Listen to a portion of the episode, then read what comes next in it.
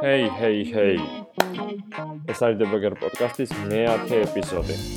სამთვიანი პაუზის შემდგომ დავბრუნდით. მე ტატო კუტალია ვარ და ეს არის დებაგერ პოდკასტი. მოგდე ეს სამი თვე იყო რაც საზაფხულო პერიოდი, საკმაოდ დატვირთული, ისეთი როგორც შეად არ წარმოგვიდგენია ხოლმე საფხულის პერიოდი, მაგრამ აშკარად დატვირთული იყო. ასევე საშუალება მომეცა კარგად და მეხედა რა ხდებოდა ჩვენს ინდუსტრიაში, დაგროვებული ყოს სამუშაო თემები, რომელიც ამ სეზონზე გვექნება. სანამ გადავიდოდე უშუალო თემაზე, რაზე ვისაუბრებთ, ყველამ ალბათ იცით ამ დეფესტის შესახებ, რომელიც იყო 8 სექტემბერს, ყოველ შემთხვევაში ვფიქრობ, ვინც ამ პოდკასტს უსმენს, ყველა მიცის.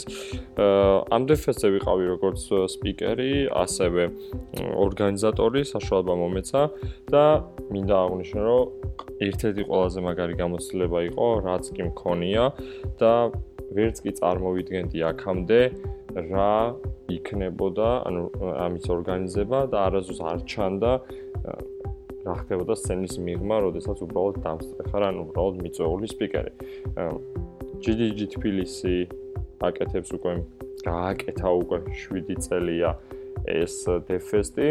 ძალიან მიხარია რომ შეუერთდი მათ როგორც ორგანიზატორი და მადლობა ამ გამოცდილებისთვის და ვფიქრობ რომ ფენს როგორც დამსწრებს მოგეწონათ ეს დეფესტი. დეფესტი ვინც არ იცის მათთვის კი ვიტყვი რომ ეს არის საქართველოსში ყველაზე დიდი დეველოპერული ფესტივალი, რომელიც სტარტება Google Developer Group თბილისის მიერ.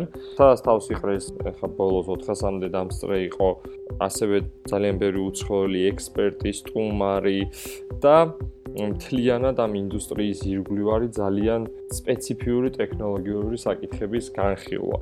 და დავივიწყოთ, რომ ასევე ძალიან საინტერესო გასართობები შემოსასვლელში და პრაქტიკული ლაბორატორიები უშუალოდ მოწვეული სტუმრებისგან. ну, რა თქმა უნდა, არიან ქართველი სპიკერებიც. ხო, ეს რაც DevFest შეეხებოდა. დღევანდელი ეპიზოდი. აკეთე და დაასრულე შენი საქმე. აი ასეთი წინადადები ჩემოვიფარგლე მხოლოდ სათაურად და მოდი ახლა განმარტოთ რას ნიშნავს რომ ვაკეთოთ ჩვენი საქმე და ამაში რაც გარემო ფაქტორებს არ შევაშლევინოთ ხელი. და ჩვენზე როგორც დეველოპერზე ასე რადგანაც ყველას გვაქვს ჩვენი მისია ჩვენ ყოველდღიურ საქმიანობაში და ჩვენი ღირსება რომ ეს რაღაც დავალება შევასრულოთ კარგად რა ადგილი უჭირავს სხვა გარემო შემშლელ ფაქტორებს პირველი ქვეთავი ასე ვთქვათ არის რომ ხარისხი საქმის გასაკეთებლად ხარისხი არ მოვიმიზეზოთ რათა გავწელოთ რაღაც ეს გასაკეთებელი საქმე და დროულად არ დავასრულოთ. ამას უფრო კარგად ქვია პროკრასტინაცია. კი, მე მგონი სწორად ხო, პროკრასტინაცია. ხო, საკმაოდ ისეთი გამოსათქმელი სიტყვა. ხო, მოკლედ. პროკრასტინაცია არ დავიწყოთ და არ მოვიმიზოთ ის, რომ თქვათ რაღაცას ვაუმჯობესებთ ხარისხი, გავზარდეთ და ეს. ესე იგი, რა ხდება? როდესაც გაქვს რაღაც საქმე გასაკეთებელი და ძალიან გეზარება ამის კეთება, ან დავალება არ მოგწონს, ან ბოლომდე არ გესმის, იწყებ შენ თვითონ რაღაცა პატარა მინი დავალებების გამოგონება შენი თავისთვის. აი მოდი, აი ამას ასე დავწერ. ბიბლიოთეკის სახით, მოდულის სახით, აი ამას გამოვიყენებ ახალ რაღაცას, ამას შევცვლი თქვა ახალ არქიტექტურაზე გადავწერ, მოდი აი ასეთი დიზაინ პატერნით ვაკეთებ და დროს წელავ და საბოლოოდ თავს ამართლებ ამით, რომ აი უკეთესი ხარისხი გამოვა და ამაში ხარჯავ რეალურად დროს. ანუ პროგრესი საბოლოო ჯამში არ გაქვს ძალიან დიდი.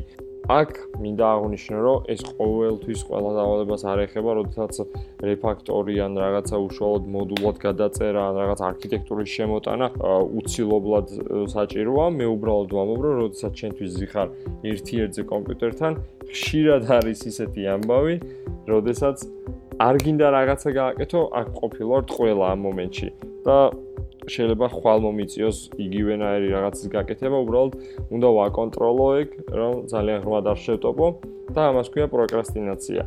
ანუ ცრუ აქტივობა რო დავარქვა ქართულად ქმედებას, ასე რომ ვთქვათ, იქნება მართებული. სინდისთან გარიგებაში არ უნდა შევიდეთ ამ ამ სახით და არ უნდა გავაკეთოთ ის, რაც მხოლოდ ჩვენ გვინდა. იმიტომ რომ საბოლოო ჯამში ჩვენ ვართ დაქირავებული მუშაკები და მუშაობთ რაღაცისთვის.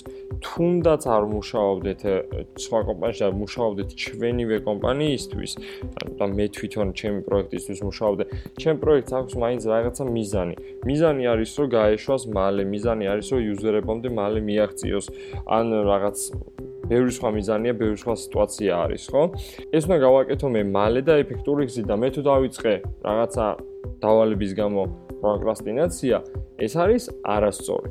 მაგრამ უნდა გავიგოთ მიზეზი, რატომ ვიწყებთ პროკრასტინაციას? აი, ყველაზე საინტერესო არის ეს, რასაც ფიქრობდი, ამაზე წავიკითხე კიდევაც და ნუ საბოლოო ჯამში არის ასეთი რაღაცა, რომ პროკრასტინაციას იწყებ, როდესაც ანუ ერთი არის, როცა არ მოგწონს და მეორე არის, როცა რაღაცას არ ეთანხმები. ანუ მაგასაც გაქვს ახალი ფიჩერი გასაკეთებელი და თლად არ ეთანხმები, როგორიცაც ასე აგიხწერენ, თქვა, დავალებაში ამ ფიჩერს. თლად არ მოგწონს, ასე ვთქვა.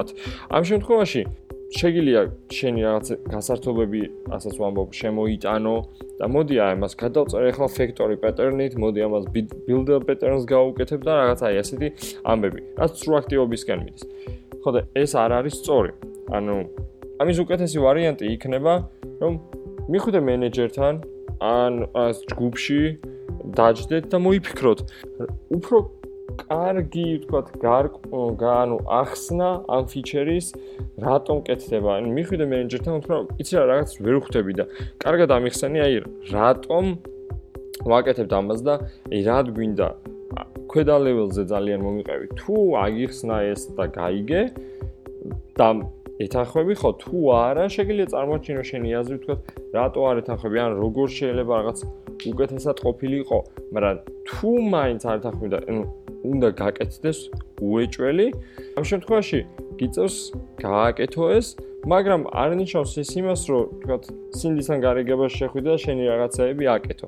არა, ამ შემთხვევაში უკვე არსებობს შენ თავზე მუშაობა. აი დაждდე შენთვის და იფიქრო. აი კაი, აი ეს არ მოგწონს. ამ კომპანიაში ესე იგი რაღაცა არ მოგწონს, ხო? ი რატო ხარ ამ კომპანიაში?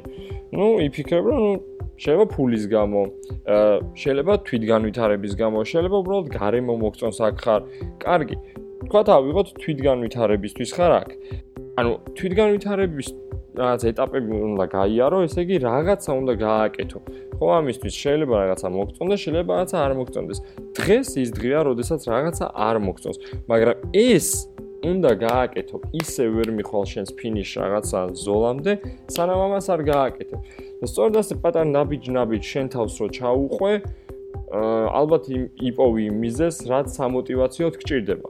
არ ვამბობ, რომ ეს 10-დან 10 შემთხვევაში იქნება ასე და იმუშავებს ყოველთვის, თუმცა ძირითად შემთხვევაში ეს სქემა მუშაობს და უნდა იყოს დანარჩენ შემთხვევაში კი ყველანი ადამიანები ვართ და უბრალოდ ასე ხდება სამყაროში და უნდა მივეჩვიოთ ამ რეალობას.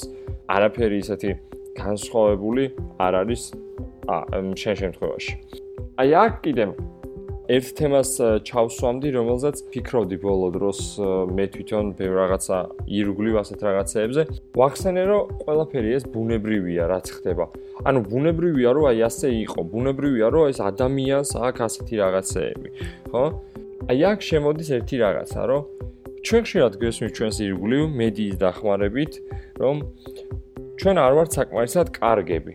რომ ჩვენ ვართ საშუალო დონეზე, თქვა დეველოპერები და ყოველთვის რაღაცა ეს ბლოგები, სხვა პოდკასტები, რა ყველგან ყველაფერი ჩვენს ირგვლივ ქმნის გარემოს, რომ აი როგორ უნდა გახდე 10x დეველოპერი, ანუ 10 ჯერ უფრო მაგარი ესეთი თერმი ეს არსებობს ასა დეველოპერებისთვის. მე ახსნი ცოტა უფრო, თუმცა მნიშვნელობა არა აქვს რა. სუპერ დეველოპერი, რაც უნიკორნ დეველოპერი როგორ უნდა გახდე და ის სადღაც ზემოთ რომელიღაც ამ თაზე არსებობენ ასეთი დეველოპერები, რომლებიც არიან სულ რაღაც ალბათ 1%, სადაც მათთან ზე სხვანაირად ანათებს და ჩვენ მას ვერაზოს ვერ მიწდები. და მუდმივად გაყენებენ იმ რეჟიმში, რომ ეძებო და წინ წახვიდე ამ აი ამ გზისკენ, მაგრამ არასტორია. ანუ ასეთ სამყაროში ძალიან მარტივია შენი თავი დაკარგო და უფრო პატარა დაინახო და საბოლოოდ მიზანს ვერ მიაღწიო. პრობლემა სულ სხვაგან არის. პრობლემა არის პირიქით ამის გაშუქებაში, შენს დემოტივაცია თუ мотивацიაში, როგორც ქვია, რომ ყველაფერი მიმოფენილია იმის წინააღმდეგ, როგორ უნდა რაღაც აბსტრაქტულს როგორ უნდა მიაღწიო და როგორ უნდა იყოს სუპერ გამორჩეული. არადა, არადა. ძალიან ჩვეულებრივი მოვლენა იყო ნორმალური საშუალო დონის დეველოპერი. ანუ წარმოიდგინე ოთახში არის 100 დეველოპერი. იქიდან საშუალო ხარ, თქვათ 50 ჯობი ხარ. ანუ იმ 50 ჯობი ხარ. ანუ შენ იწვალე კიდე წვალობ რომ ვიღაცეებს ჯობდე და რაღაც გზას გადიხარ ადრე შეიძლება 20 ჯობდი, ეხა 50 ჯობდი ხარ, ხვალ 80 ჯობო რაღაცა. ანუ ძალიან ნორმალურია. ვიღაც არის მე-40 ადგილზე, ხო? და დანარჩენი ჯობნის. ეს ეს ეს ნორმა არის. და არაფერი ამაში არ არის ისეთი, რომ აი მე აი ამაში ვერ გამოვდგებიან რაღაცა. და წარმოგიდგენ დილიდან ვიღვიძებ, რაც გინდა წაიკითხო ბლოგები, ახალი რაღაცა ნახო, სიახლე და ხვდება სხვა რეალობა, სტატიები, რომ შენ უნდა იყოს საუკეთესო, შენ უნდა გახდე უნიკორ დეველოპერი. ჩვენ ვეძებთ მხოლოდ უნიკორ დეველოპერებს. არა და არ არის ასე. ერთადერთი ვისაც უნდა შეეჯიბრო ამ შემთხვევაში არის შენი საკუთარი მე. აი, გუში როგორ იყავი, ერთი თვის წინ როგორ იყავი, ერთი წლის წინ როგორ იყავი, რა იცოდი, რა გააკეთე, სად საიდან მოდიხარ და საით მიდიხარ. აი, ეს არის ის ინდიკატორი მაჩვენებელი, ვისაც შენ გაზომავ შენს, ასე ვთქვათ, ხარისხს და იმ გზას, რაც გაიარე. და არ არის საერთოდ საჭირო ვიღაცა ზემოდან სხვაგან მომოტივირებდეს, რომ აი სადაც მთის იქით არის აი ასეთი ტომი, სადაც ზიან მხოლოდ უნიკორ დეველოპერები და რაღაც საოცარ კოდს წერენ. არა, ერთადერთი შენ და მხოლოდ შენ ტერიტორიაა ეს, სადაც უნდა დაინახო ცვლილებები. მოკლედ, რომ შევაჯამო, პროკრასტინაცია არის ზოგადად ადამიანებში ნორმალური, თუმცა ეს ცრუ აქტივობა არ უნდა მივიღოთ როგორც ყოველდღიურ ნორმად, რომ მე უნდა გავაკეთო ეს ეს ეს ეს. არა, ამას უნდა ვებრძოლოთ, თუმცა ეს მიღებულია ადამიანებში. მიღებულია, რომ შენ ხარ ჩვეულებრივი ნორმალური დეველოპერი და აუცილებელი არაა შენს ტვიტს მაგალითად ან Facebook-ს 100.000 შეარი კონდეს. ნელა იარე მიზნისკენ. მესმის კაი რაღაცეების გამოგონება და ახალი დიზაინ პატერნების გამოცდა, მაგრამ საჭირო დრო და საჭირო ადგილი უნდა და თუ რაღაცა გუნდში არასწორად მუშაობს, ან დავალებებთან რაღაცა პრობლემა არის, მაშინ აუცილებლად ჯგუფში უნდა დაელაპარაკო, მენეჯერს უნდა დაელაპარაკო, რადგანაც ამაში დრო იკარგება და შენი მორალი ზეცემა. საქმის დასრულება კი შეგიძლია დღესვე. სწრაფად, მაგრამ უნდა შეინარჩუნო უნარი, რომ ის ხვალაც დაასრულო, мотиваცია რო ქონდეს ხვალაც, რომ мотиваცია ქონდეს საქმე ერთი თვის მერეც აკეთო. და ასეთ რაც ცეცხლით უნდა იყო მუდმივად ანთებული. მოკლედ, ეს იყო მე-10 ეპიზოდი დებაგერ პოდკასტის. ძალიან დიდი მადლობა ყურადღებისთვის. შევხვდებით შემდეგ ეპიზოდში.